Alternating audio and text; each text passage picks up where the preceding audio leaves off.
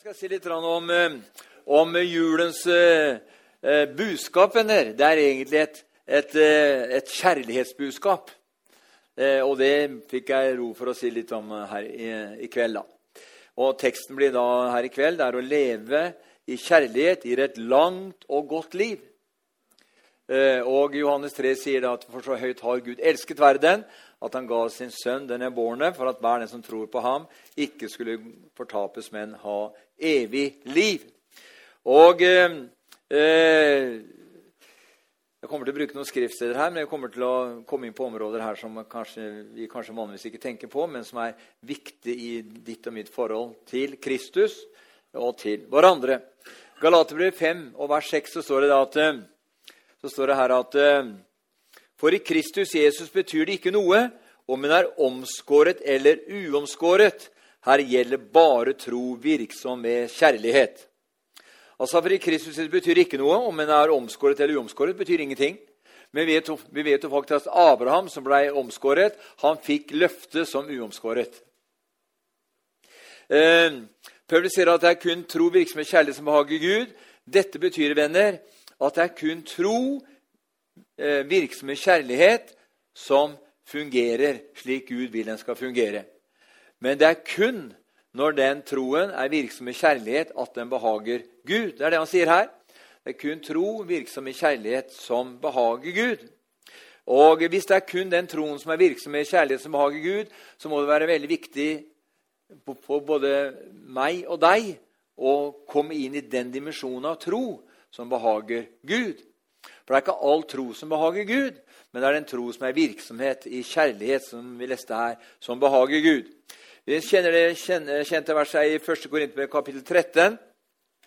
Så ser vi her i, i kapittel 13, og på vers 1 og 2, står, nei, eh, vers 2 og 3, så står det her Om jeg har profetisk gave og kjenner alle hemmeligheter og har all kunnskap, og om jeg har tro så jeg kan flytte fjell, men ikke har kjærlighet, da er, det, da er jeg intet. Om jeg gir alt jeg eier til mat for de fattige, om jeg gir mitt legeme til å brennes, men ikke av kjærlighet, da gagner det meg ingenting.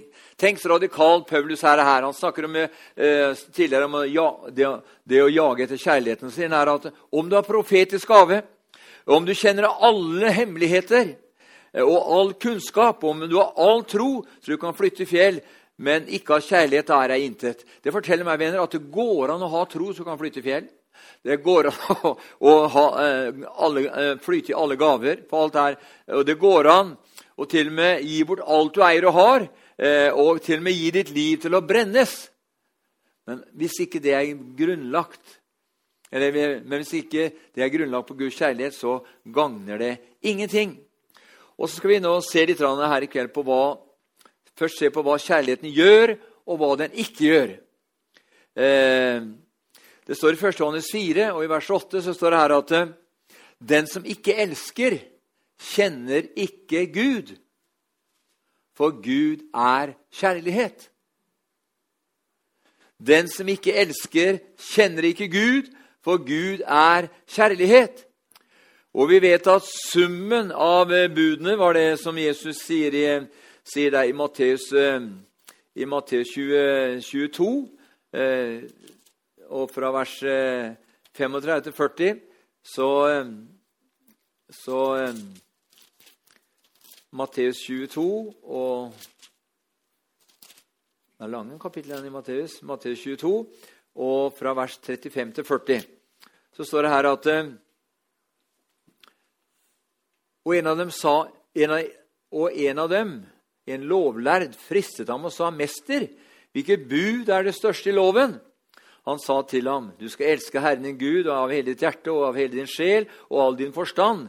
'Dette er det største og første bud.' Men et annet er like så stort. Du skal elske din neste som deg selv. På disse to bud hviler hele loven og profetene. På disse to bud hviler hele loven og profetene. Og eh, eh, eh videre så, så, ser vi da at eh, Og i Johannes eh, på disse to buda hviler hele loven og profetene. Nå, eh, og eh, Det var Matteus 22, vers 35 til 40. På disse to bud vil hele loven og profetene. Vi ser her at På disse to bud så vil hele loven og profetene, som ofte er kalt det Du har sikkert sett det, noen kristne aviser skriver om det såkalte doble kjærlighetsbudet. og Da trekker de det, eh, den, eh, den benevnelsen ut ifra det Jesus sier her i eh, Matteus 22, og fra vers, vers 35 til vers 40. Men det stopper ikke her. skjønner du. Jesus går lenger. og han, I Johannes 13 og vers 34, Johannes 13 og vers 34 så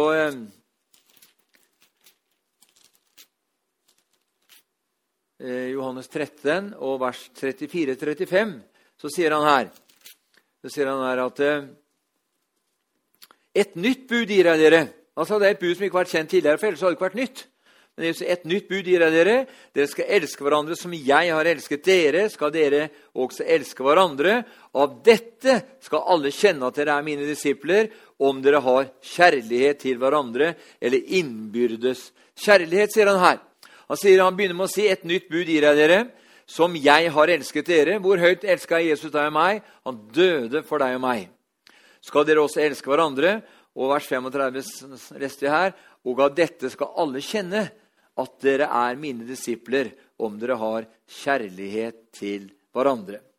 Eh, og som jeg sa allerede, Hvor høyt elsket han deg og meg? Og han elsket deg og meg så høyt at han døde for deg og meg.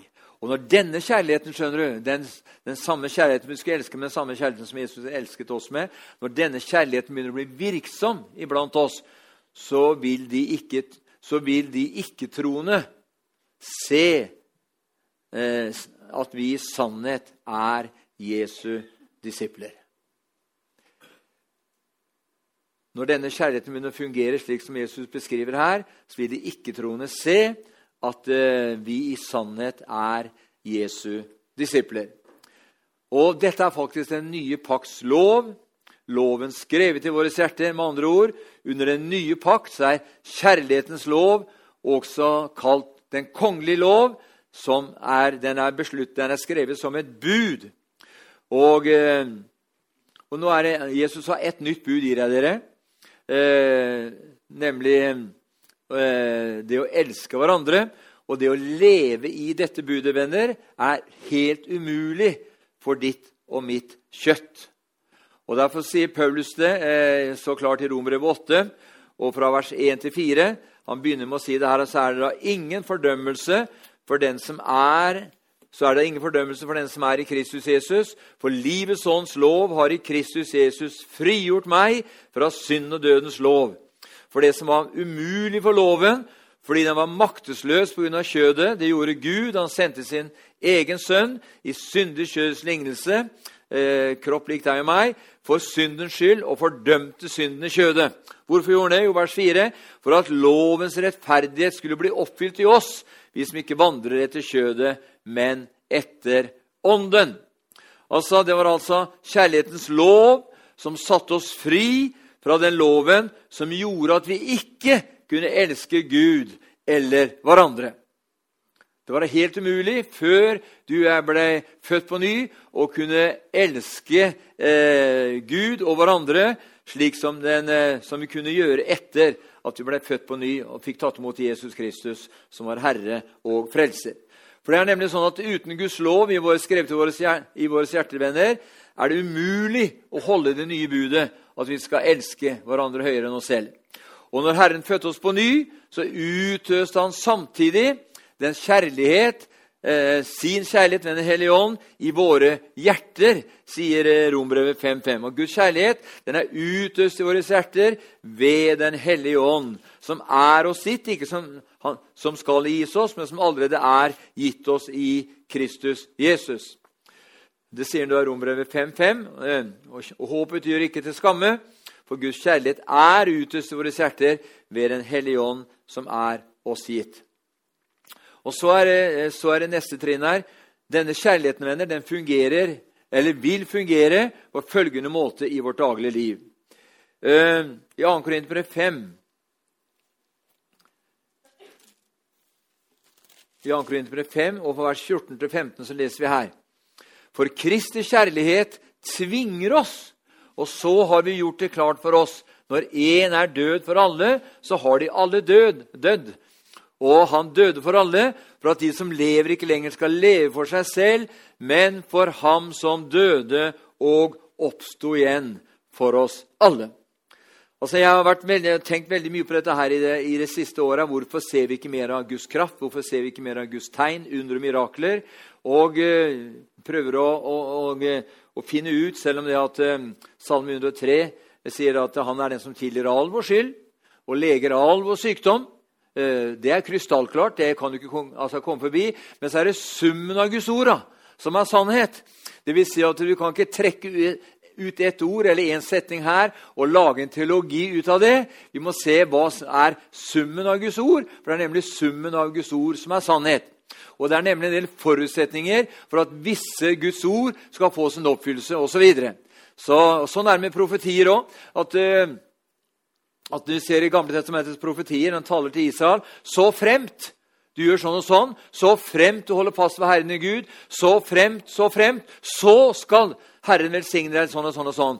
Og så kan vi eh, i vår moderne, eh, postmoderne tid lage en teologi ut ifra bare ta noen skriftsteder her og noen skriftsteder der, og så kan vi lage vår egen teologi som passer meg og mitt, liksom, ut ifra Guds ord. Ja, men Guds ord sier at eh, på syke skal vi legge våre hender, de skal bli friske. Og så har vi kanskje lagt hendene på mange syke, de har blitt, altså, de har ikke blitt friske likevel. Men så er det, det er et grunnleggende jeg holder på å jobbe med meg sjøl om dagen. Det er, det er, noe grunnleggende her i hele teologien som vi må få tak i. Bare Paulus har jeg holdt ingenting tilbake, men jeg har forkynt dere hele Guds råd til frelse. Det vil si at vi må prøve å få eh, slått, sammen, eh, slått, sammen, summen. Eh, og så er det summen av Guds ord som er sannhet. Og summen av Guds ord kan også konkludere med at på syke skal vi legge våre hender og skal bli friske. Og at ved hans sår har vi lekt, og at han tilgir all vår synd og all vår skam osv. Så vi ser at eh, som vi leste her, når denne Kristi kjærlighet får begynne å fungere i våre hjertelige så tvinger den altså kjærligheten den tvinger deg og meg eh, til å gjøre det som er rett. Og hvorfor gjør den det? Jo, for hvis vi, hvis vi har akseptert det som står i 2. Korinterbrev 5.15, og det ikke lenger tilhører oss selv, men eh, tilhører Han som døde og står opp igjen for oss alle, og hvis det er en sannhet i mitt hjerte og en sannhet i ditt hjerte, så vil den kjærligheten i våre hjerter tvinge oss til å gjøre det som er rett, fordi vi ikke lenger tilhører oss selv. Og videre så ser vi i 1. Peter 4,8 at, um, at uh, den kjærligheten den gjør at vi dekker over med hverandres synder og mangler. Vi dekker over. Og, eh, eh, og, eh, og, i flere sammenhenger så har det blitt litt sånn inn å si at det er lov å tvile på frelsen. Det var en, var en sammenheng hvor noen som syntes det var så fint å kunne si da, at det var så ydmykt å kunne si at jeg har mine tvil innimellom. Og Det var liksom litt sånn, det var liksom ydmykt, det. Å si at du har lov til å tvile litt. Fordi man kan liksom ikke være helt sikker, da. Men hør her, venner. 1. Johannes brev, kapittel 3, og vers, 4, og vers 14 sier at vi vet Vi vet, ikke kanskje, men vi vet at vi har gått over fra døden til livet fordi vi elsker hverandre eller brødrene. Vi vet det. Det er ikke noe, det er klart, Men hvis ikke kjærligheten har slått rot i våre hjerter, slik, vi, slik, som Guds ord taler om, så kan det være sånn at man liksom kan både tvile på det ene og det andre. Men her sier jo Johannes, kjærlighetens apostel, for vi vet For vi vet at vi har gått over fra døden til livet. Derfor, eh, at vi vet at vi har gått over fra døden til livet fordi vi elsker brødrene eller hverandre. Så det vil si at eh, eh, når du og jeg har en sann kjærlighet til våre søsken, så, så innebærer det at vi vet at vi har gått over fra døden til livet. Eh, og denne kjærligheten venner, den, eh, den, fører til at vi får et nytt livsmønster, som det står i Efesbrevet 4. Eh, Efesbrevet 4 og i vers 2-6 så står det her Med all ydmykhet og mildhet, med langmodighet, så dere bærer over med hverandre i kjærlighet. Bare det å kunne å være, komme, komme, i den at vi bærer over med hverandre, og legger vind på å bevare åndens enhet i fredens sambånd. Det er ett lege med én ånd, liksom dere òg ble kalt med ett håp i deres kall. Eh, det er én Herre, én tro, én dåp. Én Gud, alles far, Han som er over alle og gjennom alle og i alle. Vi ser her at, det at den kjærligheten fører til at vi bærer over med hverandre. Og, eh, og, at denne kjærligheten fører til at vi får en rett forståelse. At det er én Herre, det er én tro, det er én dåp, det er én Gud, alles far. Han som er over alle og gjennom alle. Og eh, Det blir et livsmønster for den som er født på ny og vandrer i Guds kjærlighet. I tillegg så vil denne kjærligheten føre til at vi følger Rombrevet 12,20 gir våre fiender mat når de sulter. Den gir din fiende hjelp når din fiende er i nød, med andre ord. Og det er stikk i strid med eh, vanlig, eh, vanlig, eh, vanlig kjøttslig tankegang. Nei, han lider nå, så får han ha det så godt. ikke sant? Nei, men Kjærligheten gjør at vi stiller opp også for den svake. Og når, og når, våre, når, våre, eh, når våre, fiender sulter eller har manko, så gjør kjærligheten det stikk motsatte. Den, eh, den hjelper og stiller opp for å være med og vise godhet selv imot våre fiender. Vi ser f.eks. Jesus han var så drevet av denne agapekjærligheten. Så vi så da at eh, i det siste måltidet der i Getsemane eh, så, så, sier han at, at, en av dere skal forråde meg, sier han. Og så, og så, så, Men så kaller han Judas for sin venn. vet du. Jesus visste at Judas skulle forråde ham, men han viser en kjærlighet inntil det siste Ja.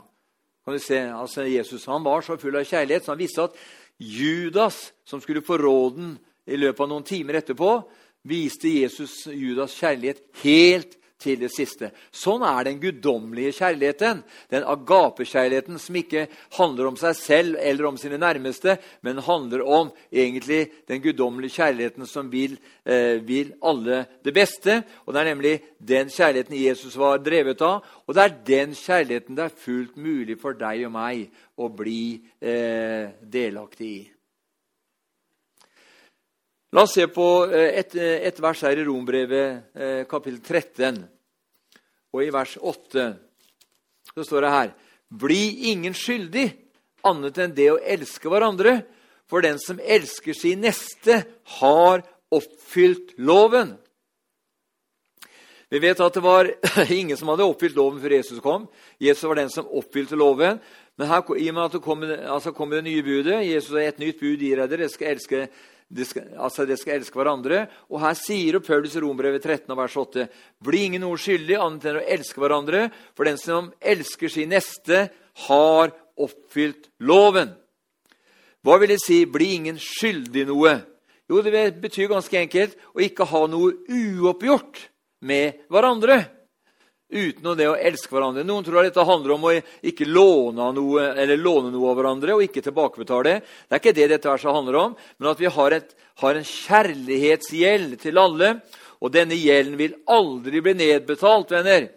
Vi må bare fortsette å vandre i kjærlighet og elske hverandre. Kjærligheten er nemlig den langsiktige gjelden vi, du og jeg, har til alle. Og denne gjelden må du og jeg betale på så lenge vi lever. Og måten vi nedbetaler denne gjelden på, er å elske hverandre, dvs. Si vandre i kjærlighet. Ja, men jeg levde i kjærlighet forrige uke. Ja, men jeg må gjøre det i dag òg. Ikke sant? Det er den kjærlighet vi har inntil vi står hjemme, berget for tid og evighet. Og Videre så ser vi det i Efeserbrevet kapittel 4, venner, og i vers 32. Efeserbrevet 4 og i vers 32 så står det her at så står det her at Vær gode mot hverandre. Vis barmhjertighet, så dere tilgir hverandre, liksom Gud har tilgitt dere i Kristus Jesus.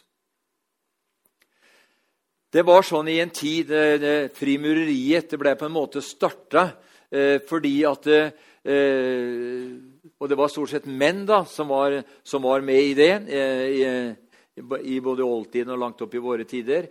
Så var det sånn at eh, et, i, i et, i et ekte frimureri så, det, mm, så kalte de, seg, så kalte de seg, seg, for brødre. Og da kunne de betro ting til hverandre. De kunne betro seg til hverandre, de kunne bekjenne ting for hverandre.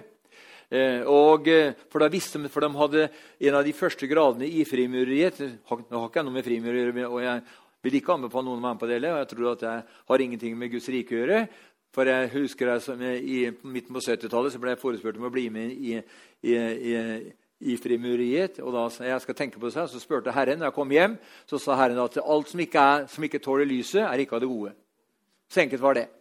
Så, så, det var klart, men altså de der, der var det noe at den, den, første graden er at de skal ha såkalt taushetsgraden.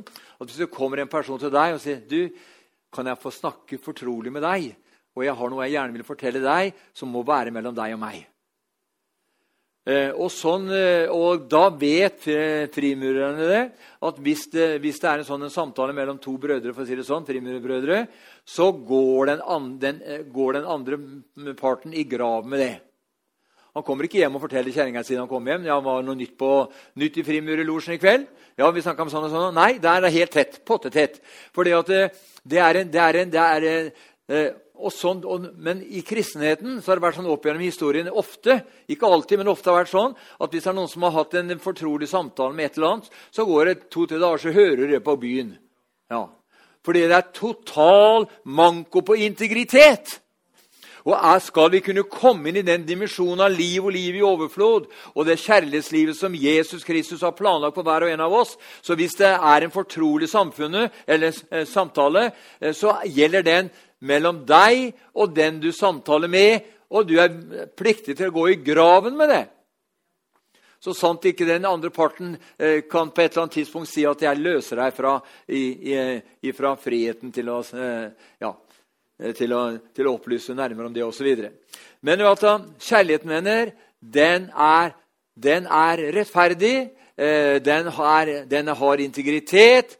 Og den gjør at mennesker som vandrer i den guddommelige kjærligheten, de kan betro ting til hverandre uten at, eh, at, eh, at det kommer opp i dagen på et senere tidspunkt. Fordi at eh, de er, de er ekte barn av Jesus Kristus. Så kjærligheten gir oss kraft til å tilby neste her. at Vær gode mot hverandre, vis barmhjertighet, så dere tilgir hverandre, liksom Gud har tilgitt dere i Kristus Jesus. Altså, hvordan tilga Gud deg og meg i Kristus Jesus? Totalt. Når jeg kom til tro eh, og ble født på ny, alt det jeg hadde utført og gjort tidligere i mitt liv, det var utsletta. Det var borte, altså. Så det hjelper ikke om hva, hva, hva, noen måtte komme og si ja, men 'Husker du det?' eller 'Nei, husker ikke det'. Den er borte. Ja, men hvis noen prøver liksom ja, men husker du ikke sånn og sånn Jo, men det er, det er borte. I Guds øyne så er det fullstendig borte. Og på samme måte, venner, så skal også du og jeg tilgi hverandre, slik som Gud i Kristus har tilgitt deg og meg. Så vi sier at Hvis det kommer en eh, du har hatt en uoverensstemmelse med en, og så blir, det, så, blir det, så blir det gjort en eh, deal, for å bruke ordet der, en tilgivelseshandling, man shaker hands og tilgir hverandre totalt, da er det borte. Da skal man ikke, kommer et, Så kommer et nytt problem eller en ny utfordring om to år, og så sier ja, 'Husker du ikke den gangen?' Nei, det eksisterer ikke det. Og hvis man da skulle ta opp det problemet på et senere tidspunkt, så har den tilgivelsen ikke vært konstant og perfekt. Den har ikke vært sann. Den har vært midlertidig der og da for å tilfredsstille eh, en, en, en bestemt situasjon i, i, det øyeblikket der og da. Men den fullkomne kjærligheten skjønner du, den tilgir, og den kommer da aldri mer den situasjonen i hu. Og det, er det, eh, og det er en nøkkel, og derfor sier Paulus det her. Vær gode mot hverandre, vis barmhjertighet, så dere tilgir hverandre, liksom Gud har tilgitt dere i Kristus Jesus. Så eh, at kjærligheten gir oss kraft, venner, det gir oss kraft til å tilgi hverandre, slik Kristus tilga deg og meg. Og så er spørsmålet tilga Jesus delvis eller alt. Eh, I Kolossbrevet 3 svarer på det. Kolossbrevet 3 eh, og i vers Kolossbrevet 3 og vers 13 eh, til 14 sier her Vi kan ta fra vers 12. Dere er Guds utvalgte, hellige og elskede. Ikle dere da inderlig barmhjertighet. Vi ser at det er noe, det er en handling du og jeg må bestemme oss for. Vi må ikle oss barmhjertighet. Godhet, ydmykhet, sakmodighet og tålmodighet. Så dere hvorfor det? Jo, for hvis du ikke ikler deg den eh, eh barmhjertighet og godhet osv. For det er nemlig det som er grunnlaget for at du kan så dere tåler hverandre og tilgi hverandre, liksom en skulle ha noe å anklage en annen for. Liksom Kristus har tilgitt dere, skal også dere tilgi hverandre. Og vers 14. Men over alt dette ikle dere kjærligheten, som er fullkommenhetens sambånd, sier, sier Paulus i, altså, i altså Kolossebrevet her. Han går enda lenger enn det Efesbrevet gjorde, nemlig så dere tåler hverandre og tilgir hverandre. Og denne kjærligheten, venner, er noe vi bestemmer oss for å leve i. Det er noe vi bestemmer oss. Det er ikke sånn når det sitter en seks-syv kristne søsken sammen og prater, så sitter de ikke og prater dritt om andre. Men det har vært mye av i Kristi kropp. Det var eh, svært. En av de største, av de største eh, symøtene som var i Sarpsborg på, på 60-tallet, 60 det var eh, Jeg skal ikke si hvilket navn det var, men det var en gullsmed. Eh, og Kjerringa der hadde, hadde, to stuer. var sånn delt Stua var delt i to. Eh, og så var stort Og det var nesten 25-30 damer vet du, som var til stede på de symøtene så, så hadde du hørt rykter om at noen som snakka skitt om henne i den andre avdelingen. For det var sånn stue som delte i to. vet du. De hadde sånn, eldrepare delte stuer. Og så hadde hun fått seg en båndopptaker, og så hadde hun satt på den under bordet på den ene, på den ene, på den ene siden. og så... Og så når uh, syvmøtet på kvelden var over, og han pakka for seg og drikke kaffe og kosa seg og skravla så til, så, så, så, så, tar hun og kjører båndet etterpå. Da kjører gjennom hele den, den der, det syvmøtet som har vært i tre timer. Og så får hun høre en hel del dritt om seg sjøl fra det bordet i den andre stua. Da ble det kroken på døra for det, den syvmøtesammenslutningen.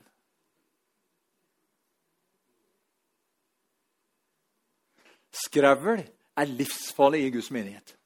Det er livsfarlig. Og er det noen som vil skape splittelse i Guds menighet, så er det bare å begynne å skravle. Skravl er en nøkkel til splittelse i Guds rike. Men vi tilhører ikke en Gud som er splitta. Det er Fader, Sønn og Hellig Ånd. Og de er ett på alle plan og på alle områder. Og på samme måte som de er ett på alle plan og alle områder, så sier Jesus i Johannes 17 i bønnen sin er sånn at på samme måte som Faderen og Sønnen er ett på alle plan, så skal også de troende være ett på alle plan i alt hva de holder på med. Da vil vi begynne å få en menighet som blir sannhetens grunnvoll og støtte. For i dag så er ikke menigheten i praksis sannhetens grunnvoll og støtte, fordi det er for mye oppgulp i Guds menighet i denne nasjonen. Men dette vil Herren ha en slutt på! Han vil ha en slutt på det. Og jeg tror det at når vi begynner å innse det For det kommer til å komme tøffe tider, skjønner du. Også i dette landet. Selv om vi har 12 000-13 000 milliarder på bok, så vil også tøffe tider komme for denne nasjonen. Det hjelper ikke om du har, eh, om du har eh, lomma full holdt på å eller boka full. Det vil komme ytre påvirkninger på forskjellige områder. For denne verdens Gud har forblindet i vantro sin osv. Og, så og vi lever i en tid hvor vi nærmer oss Jesu gjenkomst. Og vi ser at den styringsånden som er over Antikrist og det sataniske miljø, det begynner å dominere mer og mer. Ikke bare det politiske miljø, men det begynner å dominere hele samfunnet. Og Det er derfor det er så viktigere enn noen gang at Guds menighet holder seg for god til å bli en del av dette samfunnet. For vi er nemlig fremmede og utlendinger. Vi har ikke her noe blivende sted. Jesus sa da at han, han sa 'Mitt rike er ikke av denne verden', sa Jesus. Og på samme måte, venner, som Guds rike, Jesu rike, ikke er av denne verden, så hvis du og jeg er frelst og født på ny, så er ikke lenger ditt og mitt rike av denne verden heller lenger. Og når den sannheten går opp for oss, så kan vi begynne å snakke på en annerledes måte. Begynne å håndtere situasjonen på en annen måte. For våre for rett, retningslinjene i det rike vi lever og eksisterer i, der råder kjærlighetens lov. Og det er julebudskapet, det. At Gud elsket verden så høyt.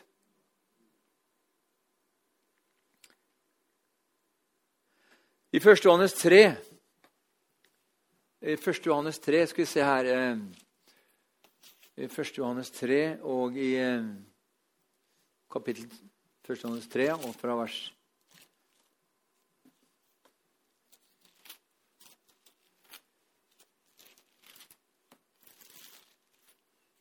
Skal vi se her 1. Johannes 3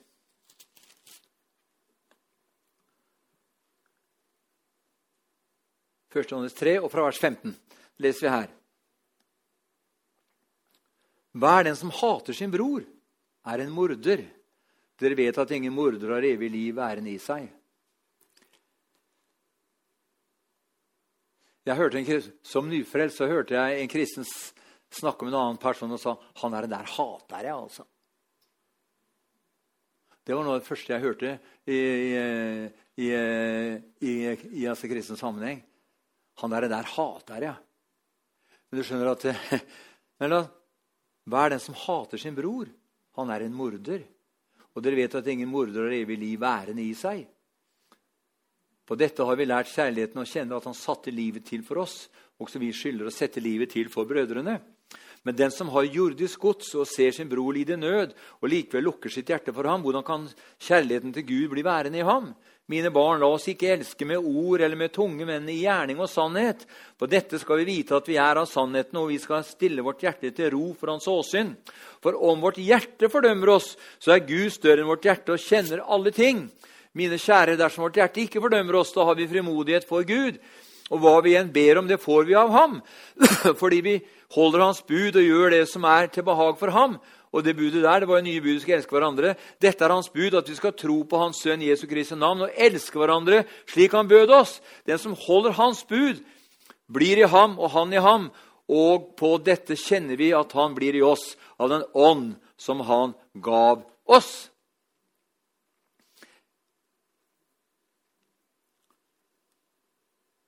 Hva betyr det vi leste her nå?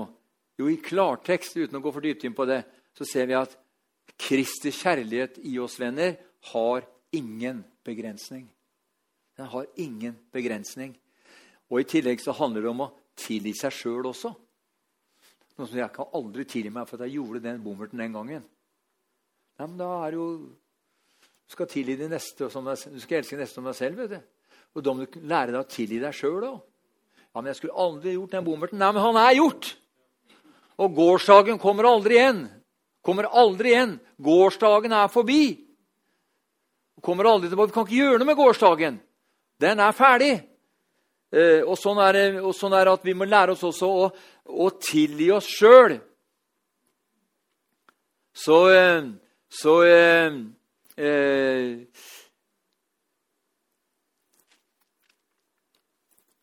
Og så må vi legge fortiden bak oss. Paulus måtte tilgi seg selv.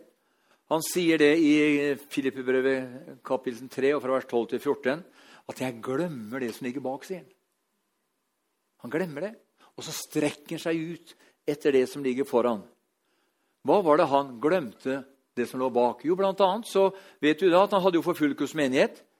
Eh, I 1. Timoteus eh, eh, kapittel 1 vers 11-16 så snakker de om det, at han, eh, han, en, han hadde jo forfulgt Guds menighet. Og, fikk, og det var det som hadde det plaga ham. Men han, han, måtte velge å glemme det også.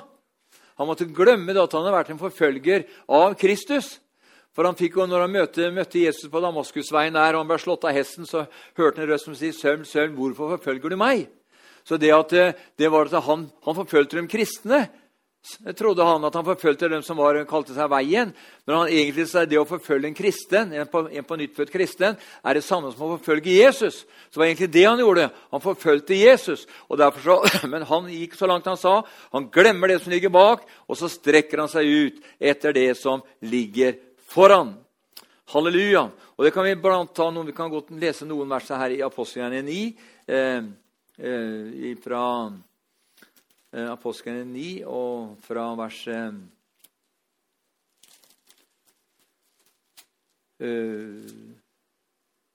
9 og fra vers 1.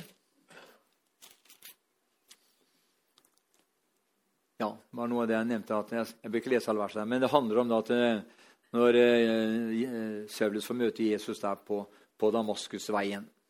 Så vi ser her at, eh, at grunnen til at Paulus glemmer det som ligger bak, og strekker seg ut etter, ut etter det som ligger foran, det eh, skal ikke spekulere om det bare var det, men det var helt tydelig at det at han hadde forfulgt Guds menighet, det var noe som plaga Paulus egentlig veldig, men han måtte velge å glemme det. Hvorfor det? Jo, for å komme inn i fullheten av Guds plan med sitt liv. Og venner, det må du og jeg gjøre òg. Det må du og jeg gjøre òg. Vi må glemme det som ligger bak. Ja, men det har vært så mye urettferdighet. det har vært så mye, Vi bare visste. Ja, men du må glemme det. Du må glemme det. For ellers vil det være det sterkeste våpenet som djevelen bruker mot deg for å hindre deg å komme videre. Du må legge tilbake det, altså.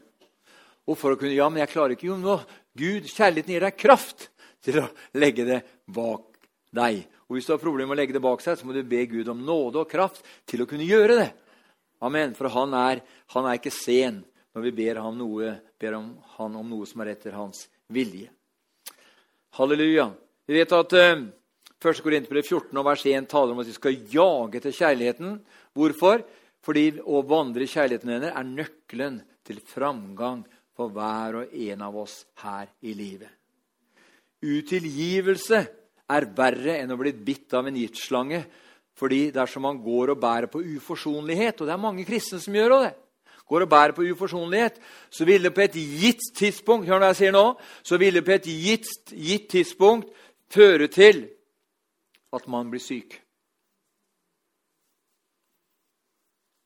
Hvis du går og bærer på uforsonlighet over lengre tid, så kan det resultere i at du på et gitt tidspunkt blir syk. Og kanskje man burde stille seg dette spørsmålet eh, når jeg er litt radikal her, når man er syk og man opplever at troen ikke virker, slik at man får bønnesvar, så kan man jo ta en selvdiagnose. Vandrer jeg i kjærlighet eller ikke? Går det an å gjøre det? Eh, I 1. Peter, 1. Peter 3 og i vers 12 du skjønner, Kjærligheten den er radikal. skjønner du. Den er mer radikal enn vi er klar over. Det var ikke som Gro Harlem Brundtland ble intervjua med, med, dette her med, med, eh, med samboerskap og alt dette som skulle være så fritt. Han sa men kjærligheten, da, sa han. Kjærligheten må få til å utvikle seg.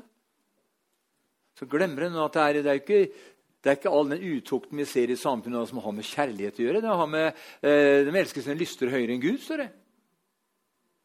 Det er noe helt annet. Vi har den, der, vi har, eh, vi har eh, den eh, fysiske, kroppslige kjærligheten som har med eh, sex og sånne ting å gjøre. Og så har vi den eh, fileo-kjærligheten, den der mellom, mellommenneskelige kjærligheten. Og så har vi agapekjærligheten, den kjærligheten som gir og gir uten å forvente å få noe igjen.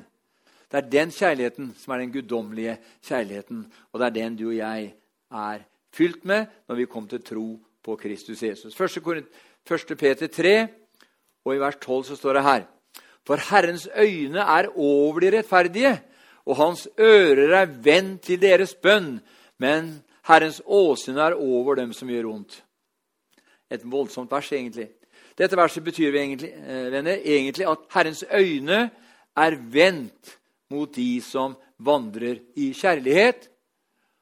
Og så er han lokka mot dem som ikke gjør det. Hans ører er vendt til deres bønn, men Herrens åsyn er over dem Nei, for Herrens øyne er over de rettferdige, og hans ører er vendt til deres bønn, men Herrens åsyn er over dem som gjør vondt.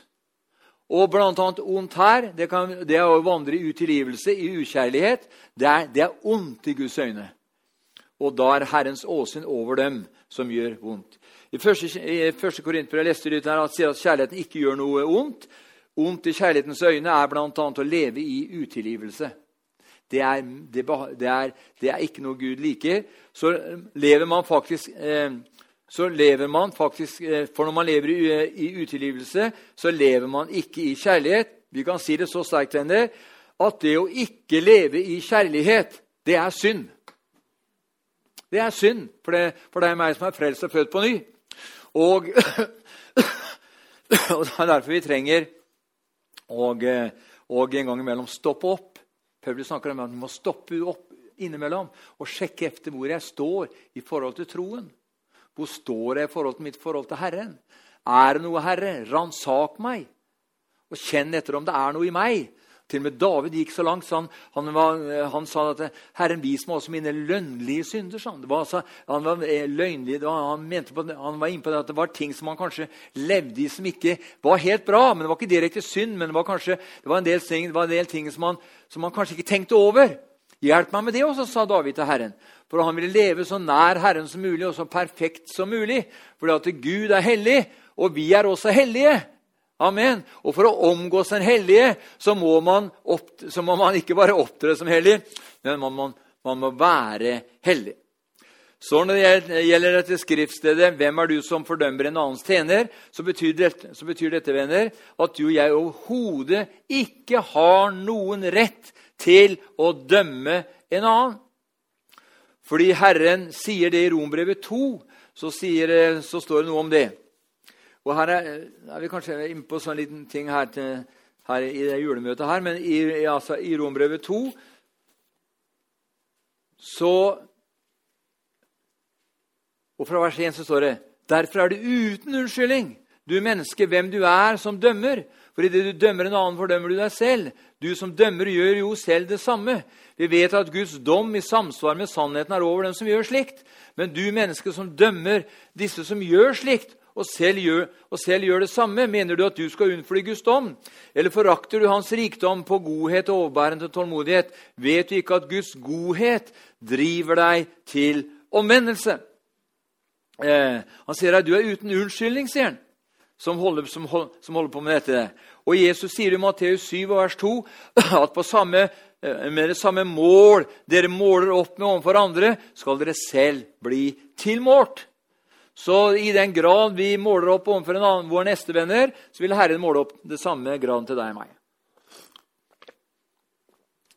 Heggen senior forteller en gang at han kritiserte en annen person, eh, en predikant, eh, fordi han virket så rotete i en viss sak som han skulle forklare seg for.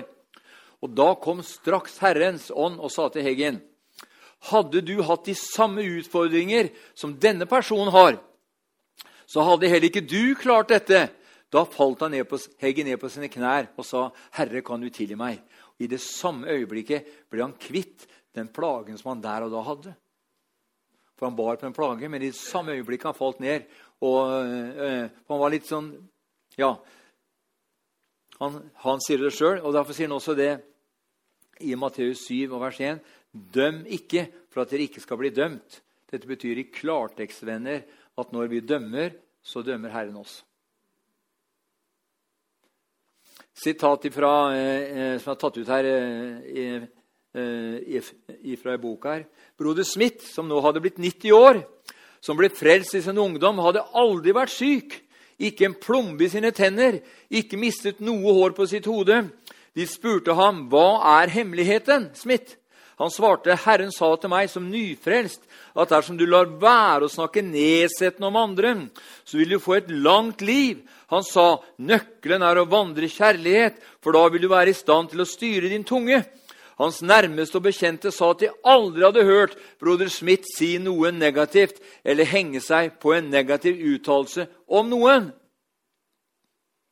Og, eh, og i Efeserbrevet 5, venner, eh, og vers 1-2, Eh, så at eh, Guds kjærlighet er ikke bare jeg skal ikke lese en vers her, men Guds kjærlighet er ikke bare full av tilgivelse, den er også uselvisk. Guds kjærlighet tenker nemlig først på andre. Der er en kraftig utfordring. Guds kjærlighet tenker først på andre. Og det som også er viktig å forstå, eh, også særlig spesielt i Kristi legeme, for det er så mange som vil styre og kontrollere og styre i Guds rike. i dette landet her. Og ikke bare landet her, men stort sett i store deler av Kristi kropp rundt hele verden. Det er nemlig Guds kjærlighet er ikke kontrollerende. Er ikke kontrollerende. En kvinne kom en gang fram til en, kom, altså kom en gang fram i en forbønnskø, gråt og sa ingen av barna mine vil være med på møtet, med unntak av min yngste datter, da, som spiller piano. Videre sa hun det er ingen andre i menigheten som har elsket sine barn høyere enn meg. Predikanten sa til kvinnen han så nemlig at datteren var forknytt. Predikanten spurte henne har din datter noen gang vært ute med gutter og jenter. noen gang? Hun var jo nå 24 år.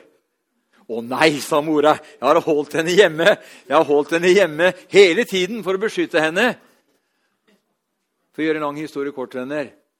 Mora omvendte seg og lot barna oppleve frihet. Dette førte til at etter hvert så kom hele familien med på møtene i menigheten. Så styring og kontroll skjønner du, det er av djevelen. Ja. For vi er skapt til frihet der ovenfra i Kristus Jesus. Venner, er vi fri, så slipper vi de som er rundt oss, fri. Hvis ikke jeg er fri, så tør jeg ikke å slippe andre fri. Da må jeg ha kontroll, styring. Men er jeg fri, så kan jeg slippe alle dem rundt meg fri også. Det er en sannhet, skjønner du. For der hvor Herrens ånd er herre, der er frihet. Halleluja.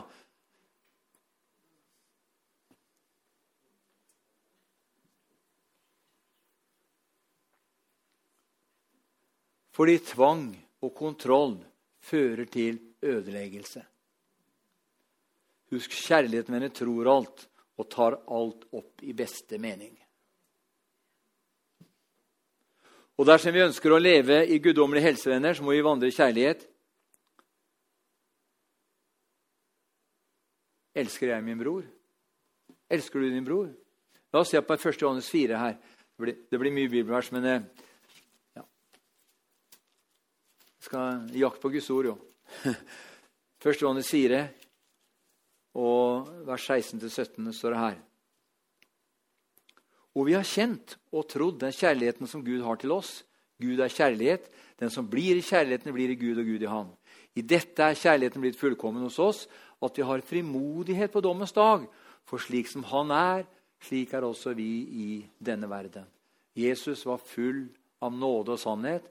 Han var full av godhet, han var full av kjærlighet. Og Så kan vi hoppe fram til vers 20 og vers 21. Dersom noen sier 'jeg elsker Gud', og likevel hater sin bror, så er han en løgner. For den som ikke elsker sin bror, som ikke han har sett Eller for, altså for den som elsker sin bror, som han har sett, hvordan kan han elske Gud, som han ikke har sett? Og dette bud har vi fra ham at den som elsker Gud, skal også elske sin bror. Og vi vet at vi, at vi som vi leste i vers 16, er guddommelig eh, Dersom vi ønsker å leve i guddommelig helse, så må vi vandre i kjærlighet. Og som leste vers 16 her, taler om at vi skal tro på Gud og den kjærlighet han har til oss. Husk at tror vi på kjærligheten, så praktiserer vi den. Og hvis vi ikke tror på den, så praktiserer vi den ikke. Det er så radikalt. Jeg taler til meg sjøl. Hvis, hvis jeg ikke tror på kjærligheten, så praktiserer jeg den ikke heller. Men når du tror på Gud, og at Gud er kjærlighet, og tror på kjærligheten som Gud har utvist over hjerte Den hellige ånd, så begynner vi å praktisere den. Og det er en beslutning vi må ta. Det er en beslutning du og jeg må ta. Eh, og dette er faktisk noe du og jeg må fremelske og utvikle.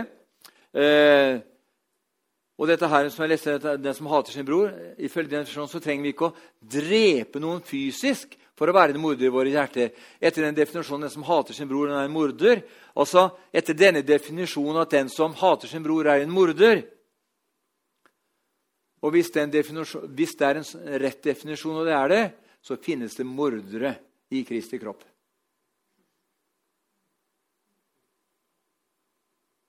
Nå er vi inne på dybdene, skjønner du. For jeg, jeg, ser for meg at Gud har så mye kraftig på gang. For deg og for meg og for menigheten og for sitt legeme i denne nasjonen. Men Gud kan ikke komme med den overnaturlige, kraftfulle dimensjonen av tegn, under og mirakler, før at vi kommer inn i et tillitsforhold til Herren, hvor han kan begynne å betro oss ting som vi ikke kommer til å misbruke pga. manko på kjærlighet og på forståelse av hvem Gud og Kristus er.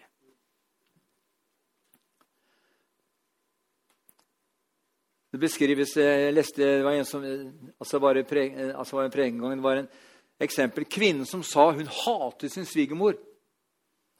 Hun kom til forbundskøen og så sa jeg hater min svigermor. sa hun. Kan å be for svigermora mi, sa han til predikanten, for jeg hater henne.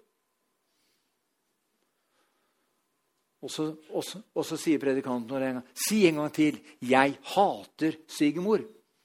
Og så sa hun en gang til 'Jeg hater svigermor'.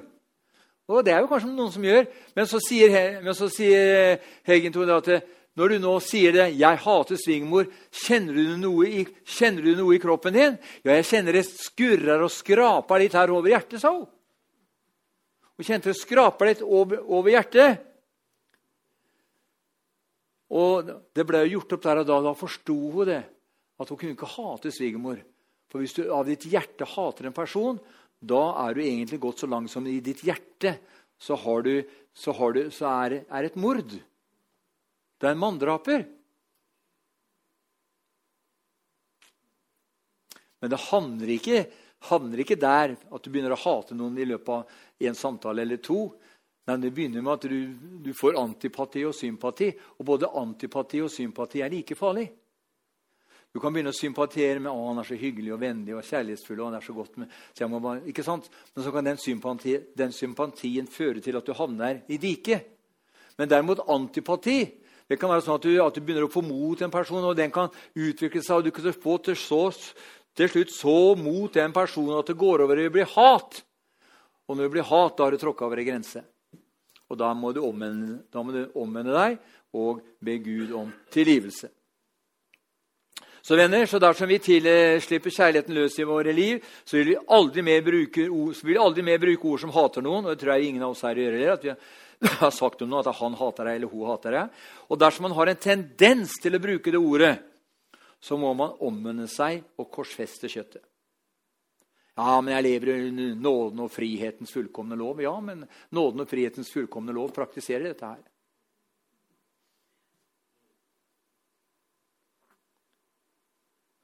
Man må nemlig bestemme seg for å vandre i kjærlighet, og dette kan være tøft for kjøttet, men det er ingen annen vei dersom man vil leve i seier og i helse. Man om noe, altså På 60-70-tallet snakka man om at man får en kjærlighetsdåp i Den hellige ånd og ild. Det var ikke bare å bli fylt med Den hellige ånd som betalte litt i tunger. Det var, det, var, det var, liksom ikke nok, men du måtte kjenne ilden komme over deg. Og vet ja, skal, ja, fra mitt eget liv, da. Eh, så husker jeg Rolf og jeg vi, vi, vi ble jo frelst. og så Vi skulle, ble jo åndsøtte og begynte å ta litt tunge, men vi liksom opplevde nei, det var ikke ordentlig. liksom. Så Vi hadde hørt fortellinger om folk, ild som hadde falt ut. Og, og, og, og, så, så plutselig, plutselig så var det en vi var guttunger da, og bodde, altså bodde hjemme hos mora og faren vår. Og så, øh, så lå vi på hver Vi hadde felles rom. da han ene lå der, og, jeg lå der. Og så plutselig så ligger vi der og priser Herren. da. Vi var, hadde feber og influensa, tror jeg vi hadde. Og så plutselig ligger der og priser Herren, så kommer det noe inn i rommet. Og så sier 'Kjenner du det?' Så kjente vi, begynte det å brenne i hodet. vet du. Og det brant i hodet og gikk nedover i hele hodet, ut i, ut i armene og ut i fingertuppene og gjennom hele kroppen og ut gjennom føttene. Så kom det dusj på dusj. altså. For vi hadde ropt til Gud om en hellig ånds ild. Vi ville ha ilden. Og jeg vil være så frimodig at jeg har sagt en gang for mange år siden I to år deretter så klarte jeg ikke å si et negativt ord. Jeg klarte ikke å si et negativt ord. For Den, den hellige ånd brant den brant opp alt sånt gammelt skrep. da. Og du vet at det, sånn er det. er derfor vi trenger i dag. Vi trenger ikke bare å bli øh, vi trenger å bli døpt Den hellige ånd, men vi trenger en dåp, en hellig ånd og ild. Vi trenger den ilden som brenner opp og fortærer alt det gamle skrapet som måtte ligge i våre legemer eh, og i våre tanker og sinn. For det resulterer i, når den ilden kommer, så brenner det opp. Og da da kommer vi nærmere Han. vet du. Og da begynner vi å kjenne på oppstandelseskraften. Da begynner den å te seg virksom i oss, og så begynner vi å få se at han som begynte, han skal fylle Jeg skal ikke si noe mer enn det, men, men det, er, det, er, grader av åndsdåp. Derfor, derfor pleier jeg å si at når folk blir frelst og født på ny, så er det veldig viktig at de får et kraftig møte med Herren. Et kraftig møte med Herren. For Hvis du får et kraftig møte med Herren og blir døpt i en hellig ånd og begynner å kjenne at ilden brenner i deg, altså du bare kjenner en fysisk ild, da skal det mye til å falle fra. Jeg vil si det er nesten umulig å falle fra.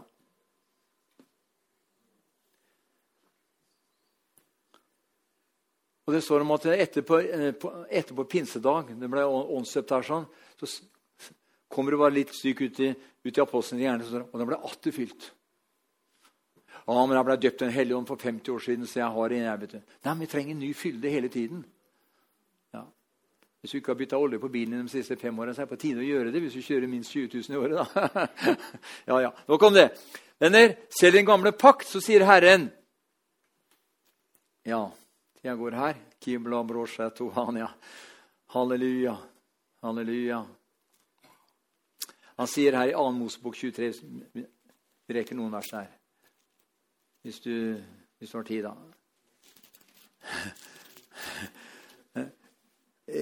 I 2. Mosebok eh, 2. Mosebok 23, fra vers 25 til 26.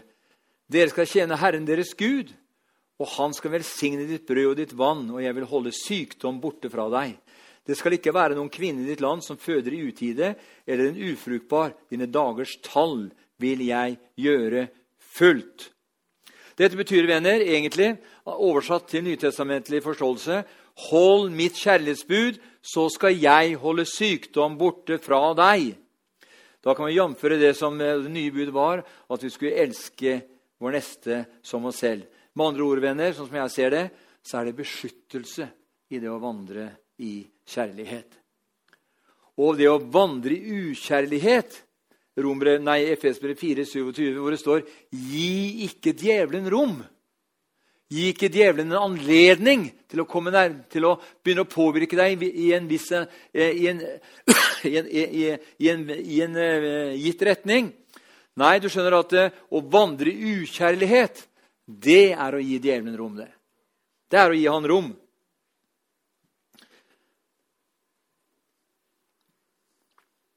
Og så er det nemlig sånn at det er når vi vandrer i kjærlighet, at vi lever i lovens oppfyllelse. Galaterbrevet 5,22. Jeg lever ikke lenger selv, men Kristus lever i meg, osv. Vi kjenner den versa der. Men la oss se på noen vers til her fra Guds ord som kan brukes på feil måte i forbindelse med Guds godhet. Ja, Er det noen bibelvers som kan brukes på feil måte? da? Ja, mange bibelvers som kan brukes på feil måte. Og mange bibelvers er på en måte oversatt litt feil òg. Hvis man ser på 2. Mosbok 15, 26, så står det her 2. Mosbok 15, og i vers 26 så står det her Han sa, dersom du hører på Herren i Guds røst og gjør det som er rett, i hans øyne, dersom du gir akt på hans bud og holder alle hans forskrifter, da vil jeg ikke legge på deg noen av de sykdommer som jeg la på egypterne, for jeg er Herren din lege. Og så er det ordet her Dersom du hører på Herren i Guds røst og, og, gjør det som er rett i hans øyne, dersom du gir akt på hans bud og, fors, og holder hans forskrifter, da vil jeg ikke legge på deg noen av de sykdommer som jeg la på egypterne. Altså, Det er jo veldig eh, altså, Hvis du går inn og ser på ordet 'å legge på', da Det er egentlig den rette oversettelsen på det ordet er eh, Da vil jeg, ikke, da vil jeg eh, oversettes med 'å tillate'. Hvis du ikke gjør sånn, så vil jeg tillate. Derfor burde det vært oversatt slik.: Dersom du hører på Herren Guds røst og gjør det som er rett i Hans øyne, vil jeg ikke tillate eh, eller åpne for at noen av disse sykdommer kommer over deg. Da vil ikke Gud tillate det.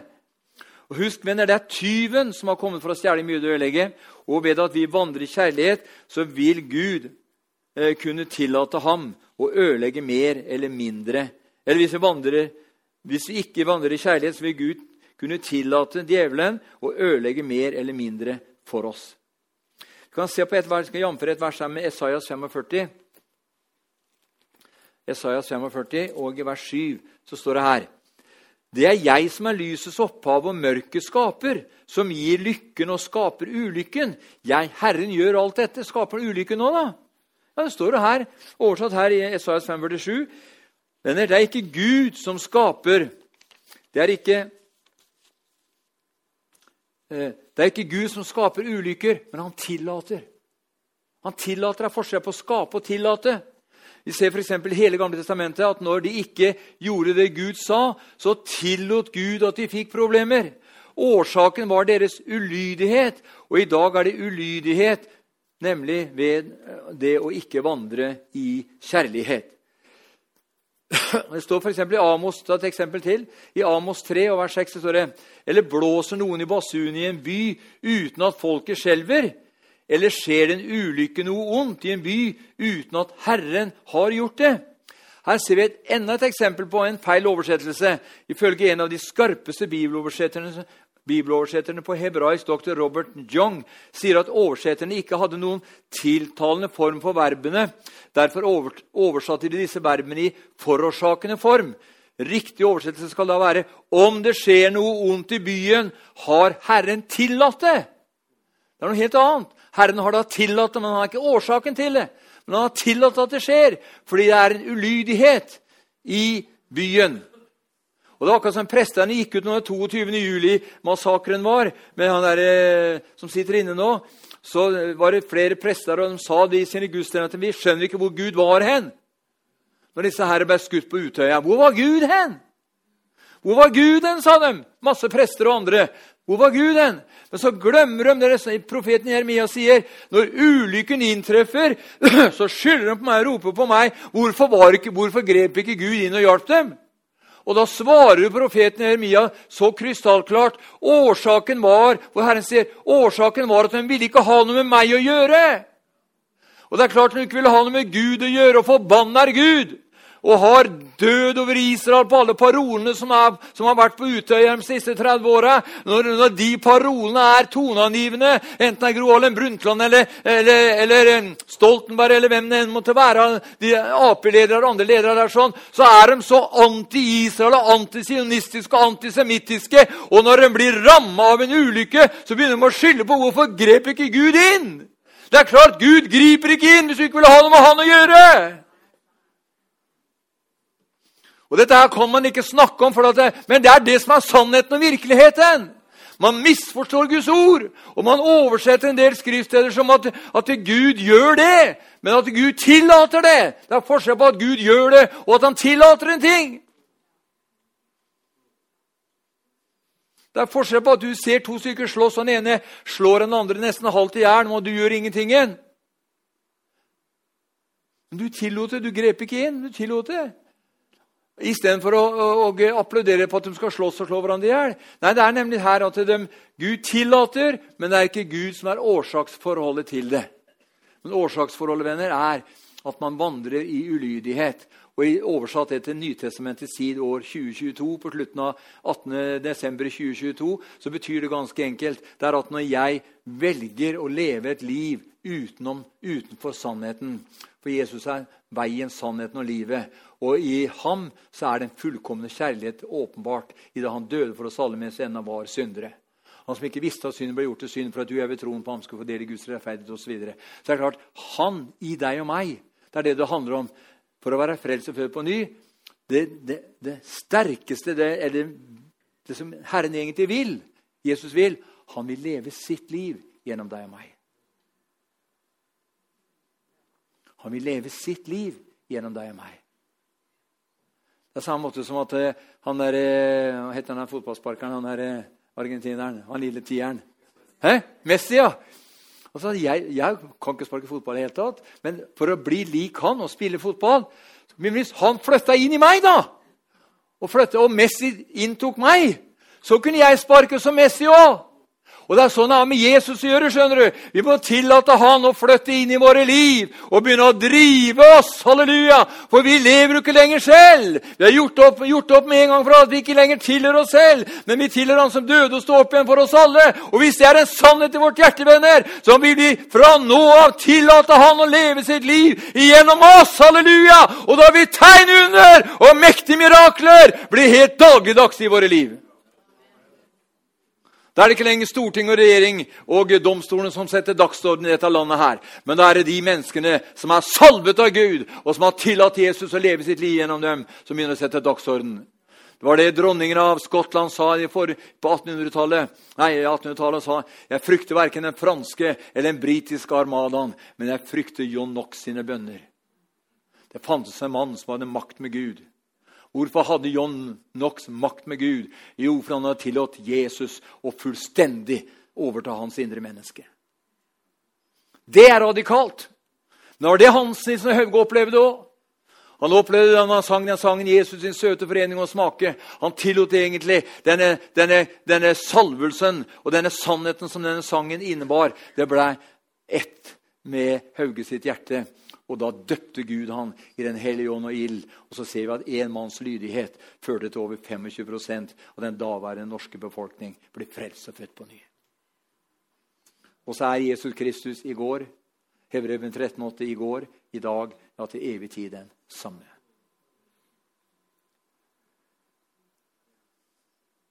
Det budskapet jeg preker her i kveld, hadde ikke gått igjen i mange mange sammenhenger. Men det er det som må til for at du skal få se et gjennombrudd i Østfold. Jeg har mye større planer for dette fylket enn det mitt folk har trodd inntil i kveld. sier Herren. Jeg vil reise meg i min majestetiske kraft og jeg vil rekke ut mine hender, så det skjer mektige tegn, under og mirakler. For ned gjennom historien så har jeg talt gjennom mine tjenere, både profetene og i, og i mange andre forskjellige sammenhenger i denne by, om hva jeg vil gjøre før jeg kommer tilbake til dere som kaller oss som utvelger. For jeg er nemlig den jeg har sagt meg å være. Jeg står bak mitt ord og mine løfter, og det er nemlig jeg som fullbyrder dem til fastsatt tid. Og Derfor vil jeg at mitt folk skal feste blikket på meg i de dager som kommer, til Herrens ånd. For nå er tiden meget nær, da mitt folk i dette fylket skal få se at min hånd ikke er for kort til å frelse, men at min hånd er utdrakt til mektige tegn, under og mirakler, sier han som kaller og som utvelger ifra evighet av. Amen. Det er mange, det er mange flere ting her, men eh,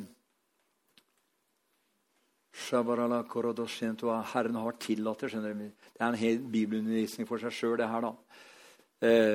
Det står i 1. Samuel 16, vers 14.: Men Herrens ånd vek fra søvn, og en ond ånd fra Herren forferdet ham. Og Jeg har tenkt på det mange ganger tidligere at ja, men en ond ånd fra Herren forferdet ham. Og her ser vi igjen en feil oversettelse fordi engelsk-norsk ikke har en tilsvarende tiltalende form for disse hebraiske ordene, så ble verbene, sier ekspertene, oversatt i kausativ form. Dette er å bli feil, fordi det her høres ut som Gud forårsaker og skaper det onde, og til og med sender onde ånder til mennesker. Det som skjer, er at Gud tillater det.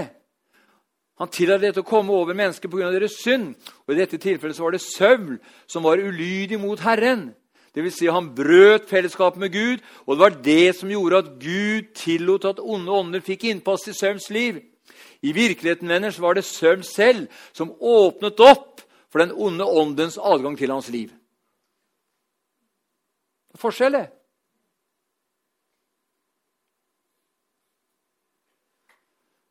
Og der, er Derfor er det så viktig at når vi begynner å vandre i ånden, så begynner det at ja, men det er så mange forskjellige oversettelser.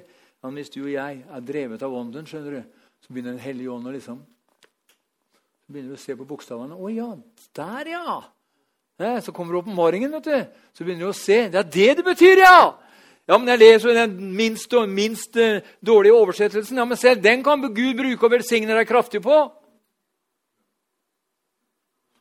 For Den hellige ånd i deg og meg, som virker i deg og meg, på forskjellige områder i våre liv. Men eh, Gud sender, jeg skal, jeg skal straks avslutte nå. Gud sender ikke plager over mennesker av den enkle grunn at Guds ord sier at sykdom og plager kommer fra djevelen. Det står 1. Johannes 3,80 til dette ble sønn, Guds sønn eh, åpenbart for å tilintetgjøre djevelens gjerninger. Og Djevelen kommet for å stjele, myrde og ødelegge. Eh, og i Apostlene 10, 38 så at Jesus Kristus fra Nasaret var salvet av Gud med hellig ånd og kraft og gikk omkring og vel, og helbredet alle som var overvunnet av djevelen fordi Gud var med ham. Så du kan si derfor så sender ikke Gud plager over mennesker. Av den enkle grunn som jeg sa, at Guds ord sier at sykdom og plager kommer fra djevelen. Og når Israels folk brøt Guds bud i den gamle pakt, så fjernet de seg selv fra guddommelig beskyttelse. Og når du og jeg eh, begynner å vandre i ukjærlighet og så holder oss borte fra fellesskapet med Jesus og med hverandre, så vil det kunne åpne opp for plager av uante størrelser og dimensjoner ut ifra den graden vi vender oss bort fra ham. Se, Karl Gustav Severin sa til meg en gang Arne Sand Det skal mye til sånn, at hvis jeg er borte fra eh, fellesskapet og Guds rike og pleier fellesskapet med Herren, så går det ikke mange dagene før, før andre saker begynner å melde seg, melde sin ankomst. Sånn. Det var derfor Lester Sumrall hadde lovet Han var sjuk, og så sa han til Gud at hvis du helbreder meg, sånn, så skal jeg forkynne, skal jeg preke om deg hver dag. Og han, og han, han prekte om Jesus, og han ble frisk. vet du. Og han prekte om Jesus hver dag! Helt til han døde. Var, gammel var han, Helge? 86 år? eller noe rundt der? 88, eller? Ja. Så han, uansett om han, så måtte måtte Hvis ikke han var noe møte, så måtte han gå ned på torvet eller i en butikk eller til naboen. Han måtte preke. For han hadde lovt Gud at hvis du helbreder meg, så skal jeg, skal jeg tale om deg hver eneste dag. Men det må ikke du gjøre, for det står om at vi skal, derfor, vi skal ikke love Herren noe. For det kan mest sannsynlig så klarer vi ikke å holde det. Men, eh, men eh, han, Hans Haugå han eh, lovte jo. Men han klarte å holde det. Han står på statuen hans 'Jeg har svoret Den hellige ånd troskap'. Men det, det, skal vi ikke gjøre. Nei. Men eh, det er noen av disse eh, fordømsheltene som, hadde, som gjorde det. Og eh, ja. Vi ser her, venner, at så lenge de adlød Herren, så levde de under Guds beskyttelse. Og vi vet at den som elsker sin neste, har oppfylt loven, sier Rombrevet 13,8. Og eh, Mosebok 23, 25 taler om oversatt til Nytestamentet. Skal ikke ta den verset her. Vandre i mitt kjærlighetsbud, hold mine forskrifter om kjærligheten. Gjør det som er rett i mine øyne, ved å vandre i kjærlighet. Og jeg vil holde sykdom borte fra deg, og dine dagers tall vil jeg gjøre fullt. Denne, Gud lovet ikke at israelittene eh, Gud lovet ikke israelittene at de ikke skulle dø, men at de skulle fylle sine dagers mål. De skulle fylle sine dagers mål. Hva er våre dagers mål da? Jo, Salme 91, vers 16 sier med et langt liv vil jeg mette ham, og han skal skue min frelse. Hva er så et langt liv? Salme 90, vers 10 sier vårt livstid er 70 år, og når styrken er stor 80 år. Dette betyr at når du er 70 og ikke mettet, fortsett til du er 80, eller bare lev til du er mettet. Amen. Så det er mye mer å si om kjærligheten med det, men det får jeg, jeg ta en annen gang. Men julens budskap er at Gud, som er kjærlighet, gjestet vår jord for å frelse de som trengtes til rettferdighet. Og Johannes 1,12 sier, men alle de som tok imot ham, dem ga han rett til å bli Guds barn, de som tror på hans navn. Halleluja.